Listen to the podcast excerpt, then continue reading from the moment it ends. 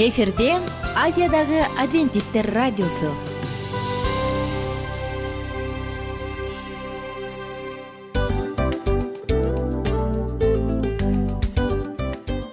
Достор салют. Баардык сүйүктүү угармандарыбызга салам айтабыз. Кутман күнүңүздөр менен. Ден соолук өмүрдүн булагы демекчи саламат саамы программасында баарыңыздарды көргөнүбүзгө абдан кубанычтабыз. Анда алгач амандашып өтөлү арбаңыздар деп. Ден соолугуңуздар кандай элибизде көбүнчө ден соолук кандай дегенде эле жакшы деп жооп беребиз э? ооруп турсак дагы жакшы дейбиз. Анан мен муну айтып ойлойт элем бул абдан сонун сөз депчи анткени бул жакшы деген үмүт да ооба баары жакшы болот. Баары сонун. Деп үмүттөнүп атып эле өзүбүздү өзүбүз дарылап коебуз. Анысы кандай? Сиздин дагы ден соолугуңуз жакшы беш деген үмүттөбүз чындыгында ден соолук бул өмүрдүн булагы деп бекеринен айтылган эмес деп ойлойм. Кыргыз элинде анткени эгерде ден соолук жок болсо анда адамдын жашоосунда калган баардык керектүү маңыздуу нерселер өзүнүн баалуулугун жоготуп коет. Ошондуктан ден соолук бул эң керектүү нерсе. Ооба туура айтасың кесиптешим. Чынында ден соолугуң жок бир эки үч күн ооруп калсаң эле э кандай болуп калат? Жашоодо көз каранды болуп каласың көп нерсеге жетишпей каласың көп нерсени кыла албай каласың жада калса эшикке дүкөнгө да чыга албай каласың. Туптуура анан ден соолук болсо демек биз биздин бактыбыз тоодой деп койсок болот. Анда достор саламат рубрикабызды баштайлы. Алдыда өзүңүзгө керектүү болгон сонун кеңештерди уга аласыздар. Мына ошондуктан биз менен бирге болуңуздар. Ал эми биз болсо милан жана айнура. Кеттик алга. Алга саламат саама ден соолуктун жарчысы. Саламат саама ден соолуктун ачкычы. Күн сайын сиз үчүн мыкты кеңештер сонун жаңылыктар кызыктуу фактылар. Биздин рубрикада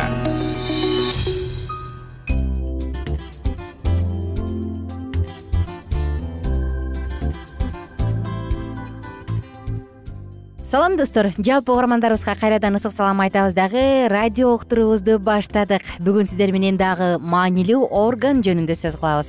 Албетте көрүүдө баардык маалыматтарды көрүү аркылуу сексен пайызын алабыз десек дагы кулакты дагы андан кемсинтип койгонго болбойт. Анткени көз сыяктуу эле кулактын дагы ролу абдан зор. Анткени күндүзбү караңгыдабы кайсы гана учур болбосун биз баардык үндөрдү дал ушул кулактын жардамы менен гана кабыл алабыз элестетиңиз адам түйүлдүк болуп баштаганда эле ушул кулактын функциялары форматташа баштайт. Элестетиңиз бала төрөлгөндө эле аял затынын үнүнө өтө эле мындай кулак төшөп угуп келет. Ал эми бир бир нече жумадан кийин же болбосо биринчи жумалыкта эле ал өзүнүн апасынын үнүн таанып калат. Эмесе бүгүн сиздер менен бирге кулак жөнүндө сөз кылалы. Сырткы кулак калканы үн толкундарын чогултуп жана күчтөнтүп турган воронка сымал байыркы учурда кулактын түзүлүшүнө өзгөчө маани беришчү. Мисалы рим жазуучусу плиний мындай дечи да кимдин кулагы чоң болсо ал акылсыз деген. Бирок бир топ узак жашайт деген. Ал эми аристотель мындай дейт тескерисинче. Кимдин кулагы чоң болсо демек анын эс тутуму жакшы деген. Буддисттер болсо кулактын сырткы катмарын сырткы кабыгына дагы өзгөчө көңүл бурушкан анан алар бодхесавты тандоодо баланын кулагына өзгөчө көңүл бурушкан керек болсо баланын кулагы чоңураак болсо кийин ал далай ламойго чейин жеткен сырткы угуу түтүгүнүн ички бети тери менен капталган кулактын сырты. Ал териде майда түктөр жана колго бөлүп чыгаруучу бездер бар. Сырткы угуу өткөлүнүн түбүндө чың керилип турган жаргагы тарсылдак жайгашкан ал сырткы кулакты ортоңку кулактан бөлүп турат. Кулак калканы жумшак жана жука кемирчектен турат дагы сыртынан тери менен капталган түзүлүшү боюнча бир топ жылга кырчадан ойдуңча жана дөңчөлөрдөн турат. Кулак калканы абадагы үн толкундарын тосуп алып сырткы өткөлүн карай жиберет. Үн толкундары угуу өткөлүнүн түбүндө керилип турган тарсылдак жакка барып урунат дагы аны дирилдетип кыймылга келтирет. Эми сырткы кулак калканын айтсак кемирчек сыяктуу анын ылдыйкы жагында кемирчек болбойт кызык дал ошол көнчөк же болбосо сөйкө тагат эмеспи. Дал ушул жери бир гана адамдарда болот ал уникалдуу жер бир дагы жаныбарда ушундай көнчөк жок. Кыздардын көнчөгү жыйырма бир пайызы эртерээк толугу менен өскөн ал эми балдардыкы он гана пайызы өскөн. Сырткы кулакта ар кандай нервтер кездешет? Аралык тил жана жутуу адашкан нервтер моюнга тиешелүү нервтер бар ошондуктан ал өтө сезгич келет анан дагы кызык достор адамдын кулагынын сырты ар бириники уникалдуу ар бириники индивидуалдуу. Бирдей кулагы бар адамдар жок болот экен. Ал эми алардын кулагынын температурасы дененин температурасынан бир жарым эки градуска төмөн. Кимдин кулагынын негизи эле жалпысынан кулактын булчуңдары алсыз болгондуктан аны кээ бир кээ бир адамдар гана кыймылдата алышат. Кулакты кыймылдаткан адам көрдүңүз беле? Аябай кызык көрүнөт э сырткы угу өткөлүнүн түбүндө чың керилип турган жаргагы тарсылдак бар. Өткөлдүктүн узундугу жыйырма төрт миллиметр диаметри болжол менен жети миллиметр. Үн толкундары угу өткөлүнүн түбүндөгү керилип турган тарсылдак жырга барып урунуп аны дирилдетип кыймылга келтирет. Өткөл тарсылдакты механикалык жана термикалык таасирден гана коргобостон кулакта туруктуу температура жана нымдуулукту дагы сактайт.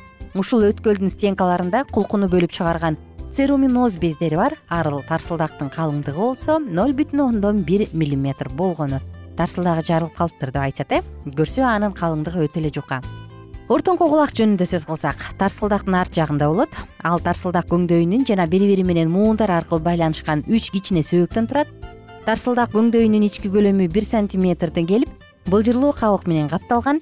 Тарсылдак көңдөй өзүнүн алдыңкы керегесиндеги ички түтүк аркылуу кулкун менен туташат. Ошондуктан ушул ички түтүк аркылуу кулкундан тарсылдак көңдөйү дайыма аба кирип анын ичиндеги басымды сырткы менен теңдештирип турат. Эми достор тарсылдак жаргактын арт жагындагы тарсылдак көңдөйүнүн ичинде уктургуч сөөкчүлөр балкача дөшүчө жана үзөңгүчө жайгашкан. Кызыгы алар адам эмбрион кезде эле форматташат дагы ошол бойдон өспөйт. Эми ички кулак жөнүндө сөз кылалы. Ички кулак көңдөйлөр менен ири буйру түтүктөрдүн кошундусунан турат алар сыртынан сөөк ал эми ичинен жаргактуу лабиринт аркылуу ажырайт.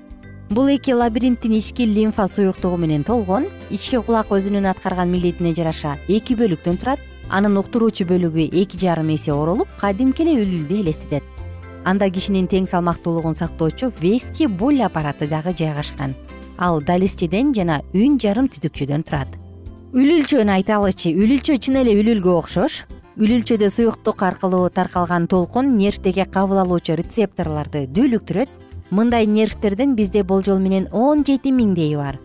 Электр сигналы келген жер тагыраак айтканда үн сигналы баш мээнин катмарынын алдыңкы бөлүгүндө жайгашкан.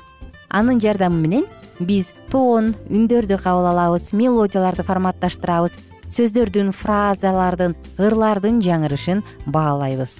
Достор адамдын кулагынын сезимталдуулугу ушундай укмушал эң эле акырын чыккан үндөн миллион эсе катуу чыккан үнгө чейин баардыгын айырмалай алат. Андан сырткары достор адамдын кулактарынын өзүнүн ичиндеги көңдөйүнүн баардыгы бири бирине окшошпойт. Ошондуктан адамдын кулагы өзү сыяктуу эле уникалдуу десек дагы жаңылышпайбыз дагы бир маанилүү нерсе бар достор. Эгерде биз заманбап техникаларды айта турган болсок алардын таасири жөнүндө айта турган болсок анда миң ватт же болбосо жүздөгөн ватт катуулаткан күчтүү кылган ар кандай наушник же болбосо колонкалар бар эмеспи. Булар биздин кулагыбызга жөн гана зыян алып келет. Ал акырындык менен адамдын укуусунда көйгөйлөрдү пайда кылат ошондуктан бул жакта дагы туура гигиенаны жана туура катуулуктуу үндү гана тандап алуу маанилүү. Достор дайыма кулактакы чугуп алып жүрбөңүз. Анткени бул сиздин угууңузду бузуп коюшу мүмкүн. А биз болсо сиздер менен коштошчу дагы учурга келе жатабыз. Мындай дейт да достор. Сальвадор дали аял затынын кулагы дейт. Анын денесиндеги эң эле жеткиликтүү эң эле жеткилең кулак деп айтканы бекер эмес. Анткени чындыгында кулак эң эле маанилүү жана эң эле жеткиликтүү эң эле жетилген орган. Ошондуктан кулак эмнени угуп жатат кулакка эмне чалып калды баардыгы биздин мээбизге дароо сигнал аркылуу келет. Жалпыңыздарга кааларыбыз кулакты коргоңуз кулакты сүйүңүз жана кулакка кам көрүңүз деп айталы. Сиздин кулагыңыз өзгөчө угарман кайрадан амандашканча саламат саама ден соолуктун жарчысы. Саламат саама ден соолуктун ачкычы. Күн сайын сиз үчүн мыкты кеңештер сонун жаңылыктар кызыктуу фактылар биздин рубрикада. Салют замандаштар баарыңыздарга ысык салам. Дил маек программабызга кош келиңиздер. Дил маек рубрикасы дегенде эле бул эмне болгон дил маек? Ким менен маектешебиз деп сурайт болуш керек угармандарыбыз бул рубриканы кыскача тааныштыра кете турган болсок ар тарап кесип ээлеринен болгон сонун интервью кеңештер бар. Ооба. Жылдыздар менен болгон маек бар. Аталарыбыздын агаларыбыздын чоң аталарыбыздан сонун кеңештер бар. Ошондой эле эже сиңдилердин кеңештери бар айтор. Баардык кызыктардын баары алдыда. Негизи эле адам баласы бир кимдир бирөөнө ишенип сырын ачкысы келет эмеспи э мындай баарлашууга жакын келебиз го? Албетте негизи бир жерге отуруп алып кенен шашпай баягы жүрөктөн жүрөккө ачып сырларыбызды ар кандай көйгөйлөрүбүз менен бөлүшүп баягы чын жүрөктөн маек курганды кимибиз сүйбөйбүз э? Ооба десең ал нерсеге суусап да келебиз да. Ооба кээ бирде адамга чындыгында баягы э, ысык маек баягы жылуу маек жетишпейт да. Ошондуктан биз ушул рубриканы ойлоп тапканыбызда эң биринчи эле достор сиздер менен чын жүрөктөн бир маңыздуу темаларды козгоп кеткени э, кааладык. Ошондуктан ушундай сонун бир рубриканы тартуулап жатабыз. Анын үстүнө радио дагы сонун дос да анткени э, мындай учурда досуңа айтсаң досуң досуна айтат досу досуна айтат да анан бүт өлкө билип калышы мүмкүн го. А радио болсо сени сатпаган сенин айыбыңды ачпаган сенин сырыңды эч кимге айтпаган сонун дос ошондуктан биздин алдыдагы айта турган кеңештерибизди биздин досторубуздун кеңештерин угуп анан ал жака пикириңизди дагы калтырып кайрадан биз менен байланышсаңыздар болот. Деги эле жашооңузга эгерде кичине болсо дагы өзгөрүү алып моралдык жактан нравовдук жактан сонун бир кеңештерди алсаңыз демек биз максатыбызга жеттик. Ооба. Чыңгыз атабыз улуу жазуучу э, чыңгыз айтматов айткандай адам болуу бул күнүмдүк процесс экен. Күн сайын адам бойдон калуу бул адамзатка эң эле кыйын дейт э? э эң кыйын дейт. Чындыгында бунун э, негизинде адамдын эң баягы сапаттуулугу адамдын э, адамгерчилиги жана көптөгөн керектүү нерселер. Мына ошол темалар дагы бизде ушул дил маекте биз аларды да козгойбуз. Ден соолук жөнүндө дагы сүйлөшөбүз. Сөзсүз түрдө анан милан мырза негизи айтып коюшат го. Биз көбүнчө эмнени ойлонсок ошол нерсеге карата иш кылабыз го. Ооба. Анан анысы кандай? Балким бул радио баракчада кимдир бирөөнүн оюн текшергенге жардам берет кимдир бирөөнүн жүрөгүн текшергенге жардам берет. Балким кимдир бирөөгө жашоонун маңызын тапканга жардам берер. Айтор кызыктын баары алдыда бул жөн гана кыскача жарнама анда угармандарыбыздын баардыгын кийинки рубрикабызга чакырабыз. Ал эми кызматта маңдайымда отурган кесиптешим милан жана мен айнура. Анда эмесе биз даярдаган терең терең ойлор менен таанышууга кеттик. Алыс алыс баралык анда эмесе достор биз менен бирге болуңуздар. Алдыда эң кызыктуу маалыматтардын баардыгы бир нече мүнөттөр бою жалгыз гана сизге арналат. Мына ошондуктан жакшы маанай менен угууну каалайбыз. Үн алышканча. Жөнөдүк. Ар түрдүү ардактуу кесип ээлеринен алтын сөздөр жүрөк ачышкан сыр чачышкан сонун маек дил маек рубрикасында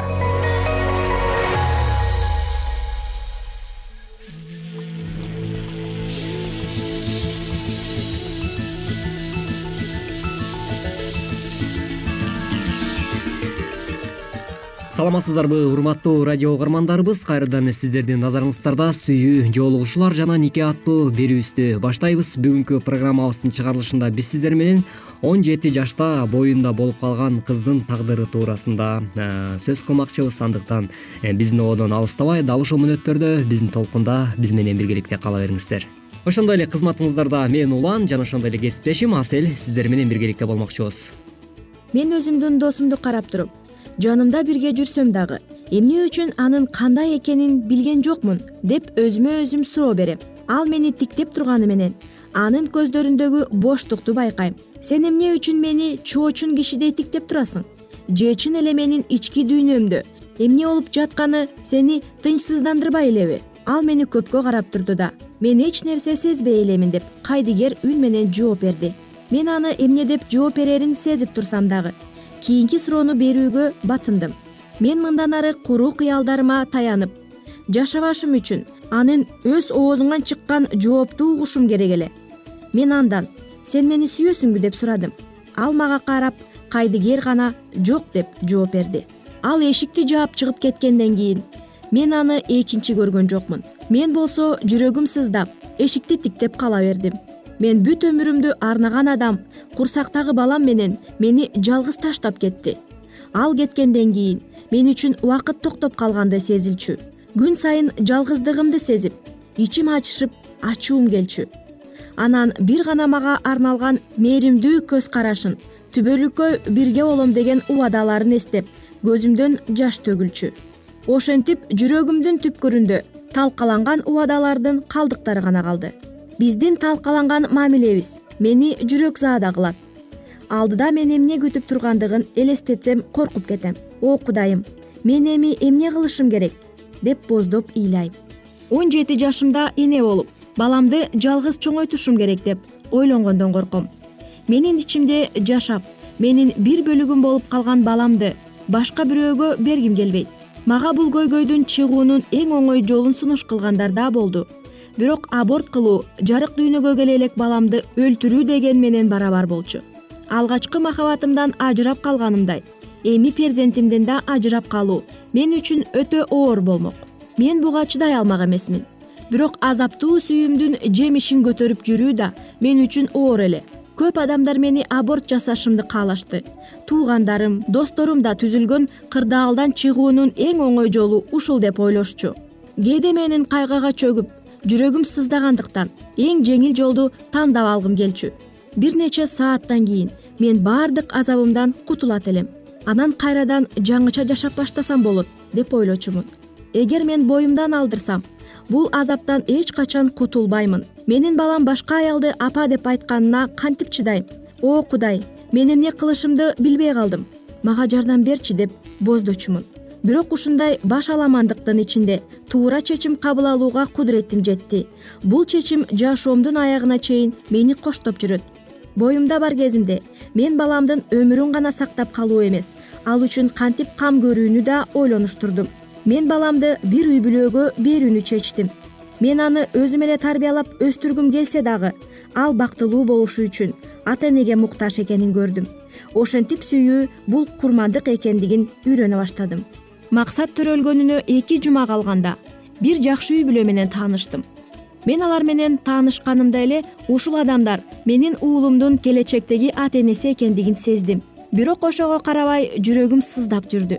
Айлана тегерегиндеги адамдар баланы бергенден кийин ал жөнүндө унутууга аракет кылып кийинки жашоосуна кийлигишпей эле койгонуң жакшы деп айтышчу бирок ошол эле адамдар боюңдан алдырып салганың жакшы деп кеңеш бергендиктен мен аларды эмес өзүмдүн жүрөгүмдү угам деп чечим чыгардым. Ошол үй бүлө менин баламды багып алышын каалагандыктан биз тиешелүү документтерди даярдап баштадык. Ошентип бейтапканадан да чыга турган убакыт келип жетти. Менин баламды багып алгысы келген үй бүлө алдымдан тосуп чыкты. Биз бейтапканадан түз эле юристтик фирмага кеттик. Андан бери төрт жыл өттү ушул убакыттын ичинде менде аябай көп өзгөрүү болду.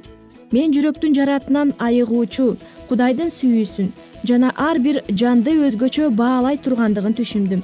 Мен ошол жолду тандап алганыма өкүнбөйм анткени максатты сүйгөн ал үчүн кам көргөн үй бүлөсү бар чындап эле бул тагдыр ушунчалык э, өкүнүчтүү десек дагы болот экен. Э, андыктан э, баягы өспүрүм убакта он жети жаш курагында чын эле эне болуп калыш бул дагы өтө эле мындай кыйын эмес. Андыктан бул айымдын дагы тагдыры чын эле өкүнүчтүү окуялар менен сүрөттөлүп өткөн экен. Ал эми урматтуу жаштар биз дагы ушундай тагдырга туш болуп калбашыңыздар үчүн сөзсүз түрдө никеге чейин жыныстык байланышта болуунун олуттуу кесепеттери бар деп буга чейинки программаларыбызда дагы айтып өткөнбүз кесиптеш. Андыктан чындап эле э, ушул он жети жаштагы э, өспүрүм кыздын э, эрте эле баягы балакаттын доорун жакшы сүрө электе эле эне болуп калуу бул чын эле ушундай көйгөйлүү бир э, трагедия менен аяктаптыр да. Мындайча айтканда ушул э, өзүнүн жакшынакай баласын башка адамдарга берип коюу ар бир эле э, мисалы энеге оор болуш керек. Бирок кандай гана болбосун бул тагдырга баш ийбегенге арга жоктуктан мына ушундай иштерге барып анын натыйжасы сөзсүз түрдө өкүнүчтүү окуялар менен дагы кайталанып келген учурлар биздин жашообузда көп эле кездешсе керек. Сен кандай дейсиң албетте мындай окуялар көп эле кездешет бирок ушул окуянын аягында э, ушул кыз чын эле туура тандоо кылыптыр деп ойлодум да анткени. Боюнда бар баланы алдырып салуу бул чын эле өлүм менен барабар.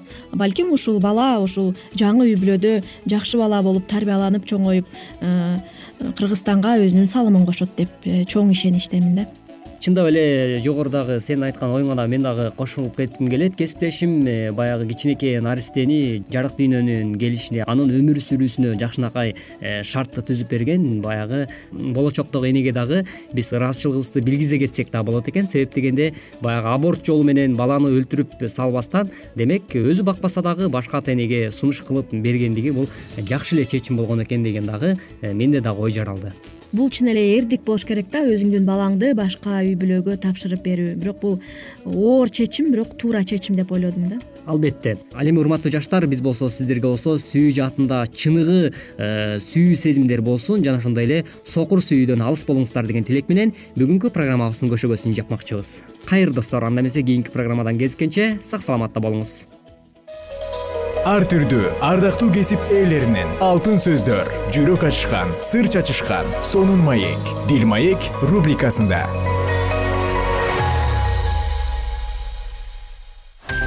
Жан дүйнөңдү байыткан жүрөгүңдү азыктанткан жашооңо маңыз тартуулаган жан азык рубрикасы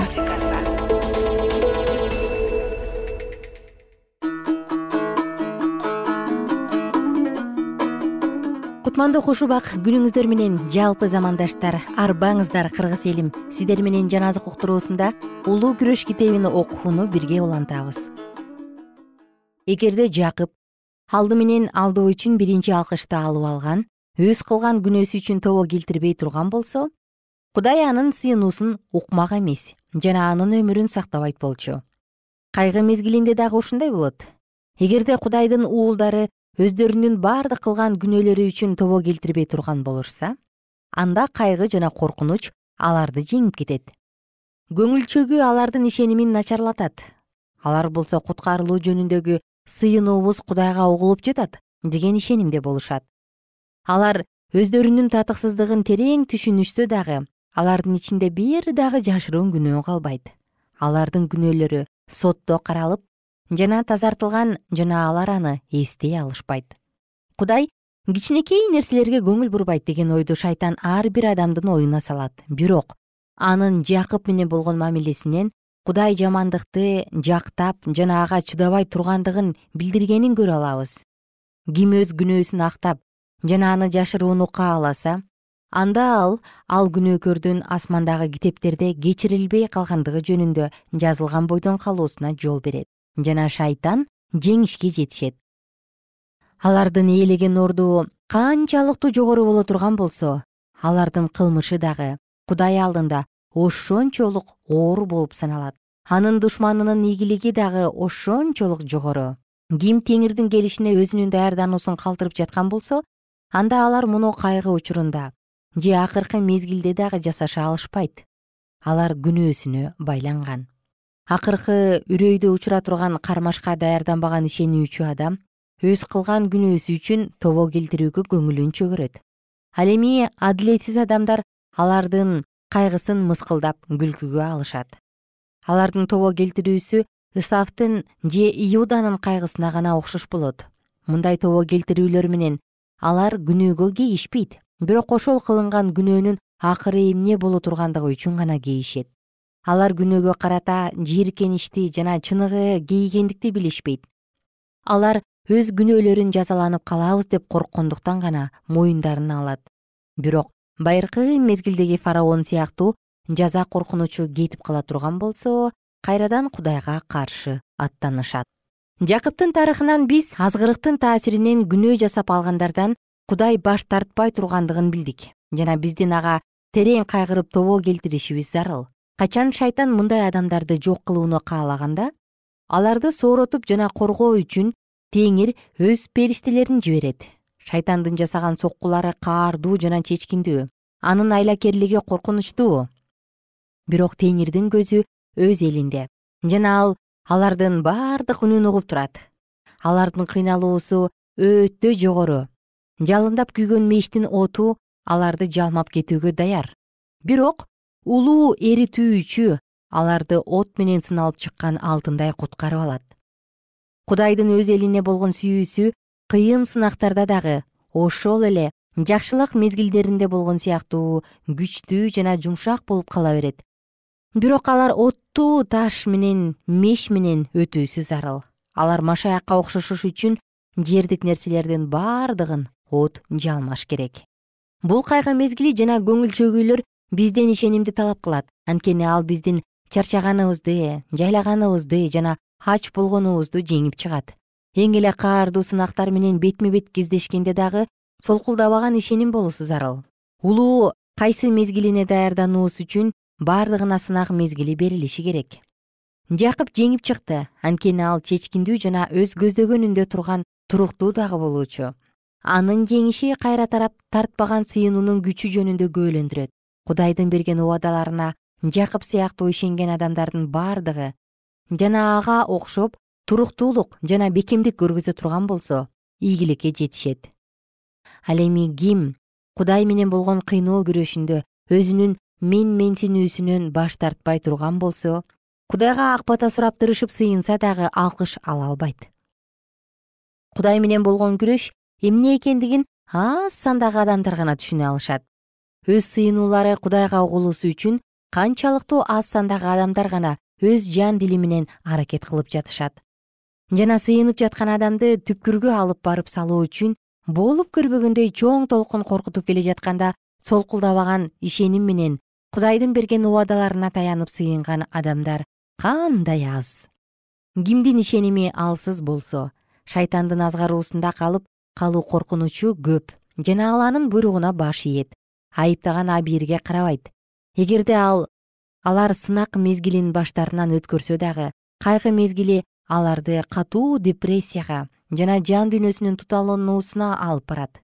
Анткени алар кудайга таянып көнүшкөн эмес. Жана алар качандыр бир мезгилдерде билүүнү каалабай койгон ишенимдүү болуу сабагын кайгынын катуу шапалагы менен алып өтүүсү керек. Азыр биз анын убадаларын сынап кудайды таанышыбыз зарыл ар бир чын жүрөктөн чыккан туруктуу сыйынууларды периштелер жазып жатышат. Кудай менен баарлашууну калтыргандан көрө бизге жаккан кумарлардан баш тартканыбыз жакшы. Байлыкка манчыркап кадырлуу болуп досторду көбөйтүп жана кудай аркылуу калтырылып калгандыгын ордуна жакырлыкта жашап эч нерсеге ээ болбой бирок анын ырайымына ээ болуу ал да канча артык. Биздин сыйынуу убактыбыз болушу керек эгерде бизди жердеги кызыкчылыктар тартып кете турган болсо анда биздин алтын там таш жана жерлерге курган жасалма кудайларыбыздан арылтып кудай өзү жөнүндө ойлондурууга жардам берет.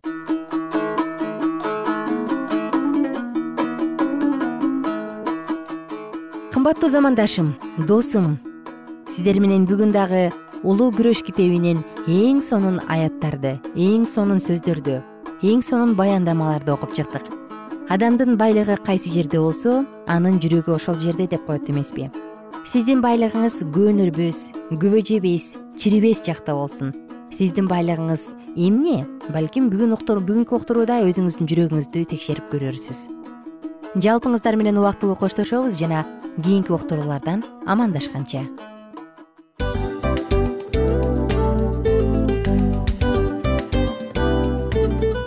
ушун менен достор программабыздын уктуруубуздун эң кайгылуу мөөнөтүнө келип жеттик. Кайгылуу дегенде ыйлагым келип кетти кесиптеш. Кадимкидей. Анткени баягы учурашасың анан коштошуу учур келгенде ии кантип ии эми эми бат баттан келиптир э сагындырбай деп атып араң коштошобуз го анысы кандай угармандарыбыз менен коштошчу учур келди кийинки уктурууларды сагыныч менен жүрөгүбүздө кусалык менен күтөбүз жалпыңыздарды анан жарым сааттык уктуруу көз ачышым канча өтүп кетти сөзсүз. Бирок бизде жакшы кабар бар. Кийинки уктурууларыбызда сөзсүз дагы кезигишебиз. Анткени биз көптөгөн сюрприздерди кызыктуу маалыматтарды жана керектүү керектүү нерселердин көбүнчөсүн даярдадык андай угармандарыбыздын баардыгына ийгиликтүү күн каалайбыз. Эгерде бүгүнкү күнүңүз өзгөчө э, өтүшүн кааласаңыз анда позитивдүү ой жүгүртүп жылмайып жакындарыңызга жакшы маанай тартуулап жүрө бериңиз. Анткени сөзсүз түрдө мунун арты кайтат э?